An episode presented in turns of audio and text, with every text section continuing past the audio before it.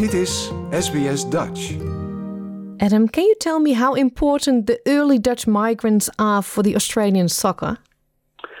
Well, it's really interesting the history of Dutch involvement in soccer in Australia. Uh, certainly, we focus on the post war decades when the, the real influence of Dutch in Australian football takes off. But even before then, there are uh, Dutch involvement in the game. For example, the very first official games of football or soccer played in Western Australia were actually um, uh, on the initiative of a couple of Dutchmen, one in particular, a Willem Siebenhaar.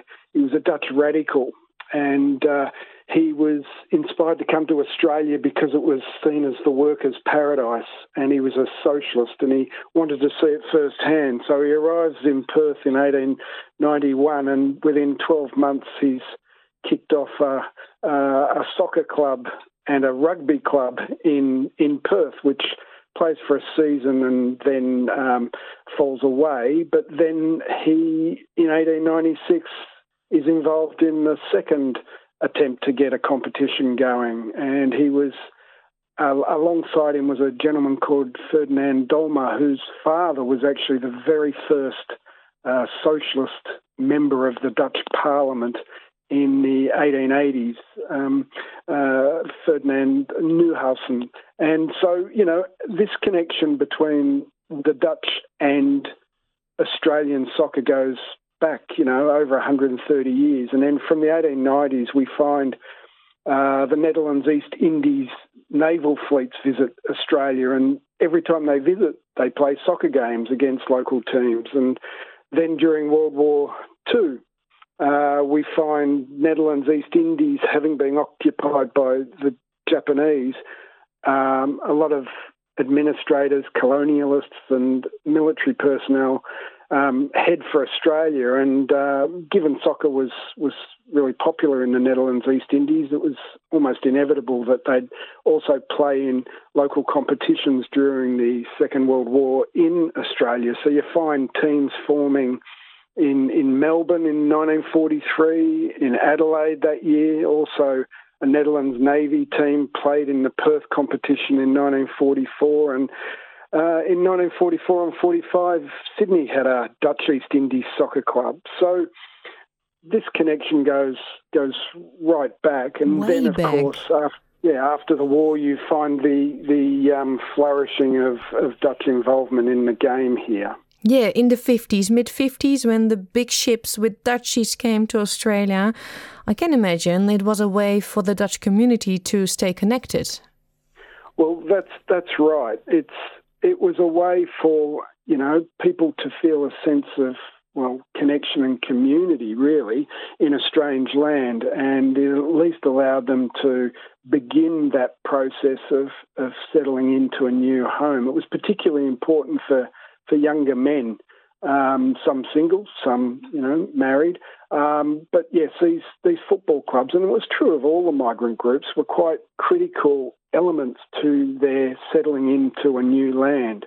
Um, in fact, there's a there's a quote that a gentleman called Adrian Harmsen, who ended up being the very first Dutchman to play for Australia, he um, made the point that being a uh, a new Australian, as he said, uh, being a new Australian in the 1950s, he said, looking back, one realises how lucky we new Australians were to have been able to join a soccer club and immediately get to know scores of people with similar interests, which makes settling into a new community so much easier.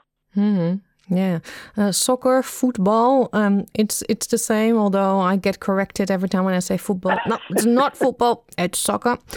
Um, there are many clubs. I think there's still some that that have the name like something with Lion or Hollandia or Wilhelmina. It's all goes back to the Dutchies. Yes, I've documented 39 specifically Dutch migrant teams in Australia, formed from, well, the first was 1949 and the last in 1981. And of those clubs, uh, only a handful remain. Um, that's not an uncommon process for a lot of the migrant clubs formed by Germans and Italians and Greeks. A lot of clubs came and went.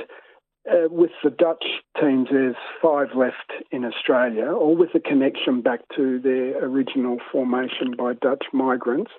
So there's uh, Ringwood City in um, the eastern suburbs of Melbourne. They were originally called Wilhelmina. There's a, another team in Victoria called Fortuna 60. Uh, they were formed in 1960 and, and named after a, a Fortuna Vlaardingen near Rotterdam, and they're still going, playing in the, the World League. There's a team in Mount Gambier, originally formed as um, Soccer Club Holland, and they are now call the uh, Gambier Centrals Club.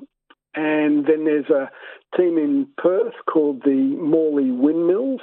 They were formed in 1950, so you know they've got quite a history and they're still going successfully uh, competing in the I think the second division of the Perth competition, and then the Queensland uh, situation is really interesting. We've got the Lions Football Club. They uh, were originally the Hollandia team formed in 1957 in the southwestern suburbs of Brisbane, and they were the team that ended up joining the National Soccer League when it formed in 1977 uh, they were called the Brisbane Lions at that stage, mm. and later they actually uh, entered the team in Brisbane for the beginning of the A League. They've since relinquished ownership of that, but they they've got quite a storied history, having basically been in two national competitions uh, in their inaugural years. Yeah, I read at one stage there were around 50 Dutch related soccer clubs in Australia? Well, I've managed to identify 39 teams that were definitely set up as Dutch migrant teams by Dutch migrants as specifically Dutch teams. There's a couple of other teams that you could put an argument should be in that list too, but I couldn't find any evidence that they were seen as a Dutch migrant club, even though basically for their first few years every player virtually was Dutch, same with officials. Um, and I, I've been conservative in, in putting clubs into that Dutch basket. But there were certainly at least another 20 clubs across the country that were influenced in one form or another quite significantly by Dutch migrants, whether it was a family of Dutchies who helped set up a district club or a number of Dutch players being involved in the early days of the club. Uh, to give you an example, uh, there's a club formed in the early 1960s in Tasmania called Ulverstone Soccer Club, and that part of Tasmania has a lot of Dutchies, still does to this day, and uh, a lot of Dutch migrants settled in the 1950s in the northwest of Tasmania, including my family. And the Ulverstone Football Club had a lot of Dutch players and families involved in it. But it was never a Dutch club as such. It was a district club, mm. so it was open to many others. Mm. Yeah. Did little Adam also play soccer? Uh, for a couple of years when I was a, a little boy growing up in, in Sydney, actually. I grew up in Sydney. But the thing about the situation in Australia, and this is why it's very interesting to see how uh, migrants come to a new country and how they, they move into that new country and engage with it. In Australia, you had a, you have four uh, senior football codes, and so it's not like in the Netherlands where you've essentially got one football code. So if you're into football, you play football, soccer. Whereas here in Australia, the unique situation for different codes, all vying for the attention of children, youth, and indeed parents. And so, growing up in Sydney, you had a very strong rugby and rugby league culture. And so, as a boy, I actually, uh, having played soccer for a couple of seasons, I then switched over to play rugby league and I loved it. My father, um, he just wanted us to play sport. He just supported whatever we chose. He didn't insist that we play. Whatever ball was involved, yes. as long as you were yes. running. Yes.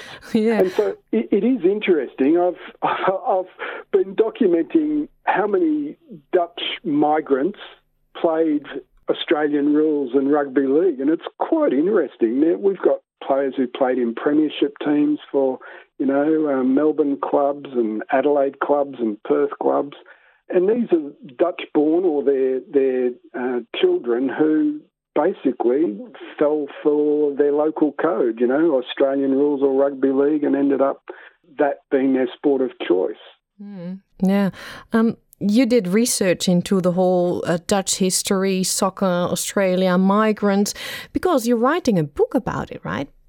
Yes, I am. So uh, I've been working on it for, well, now six years, and uh, it's coming to a close. I've done all my research and essentially just writing it, and uh, I've got a couple of months to go to finish the actual writing, and then we move into the production of the book. So I'm expecting it out April, May next year. Yeah, it's been a, a long journey then.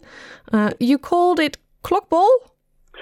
That's been the working title, and I'm going to stick with it. it it's appropriate in Australia. I, I know, you know, many Dutch people cringe at, you know, cliched instances of Dutchness like clogs and windmills and tulips, but the reality is uh, Australian soccer was dubbed wogball uh, here in the in the 60s, 70s, and uh, later, and uh, it was seen as this you know game played by by the migrants and wasn't wasn't seen as a, a serious sport. And so it's a play on that concept, uh, clogball, wogball, and in fact it sums up you know Dutchness, uh, shorthand for Dutchness. Wow, it sounds great, and I'm very impressed um, with the Dutchies in the 50s. Great job they did.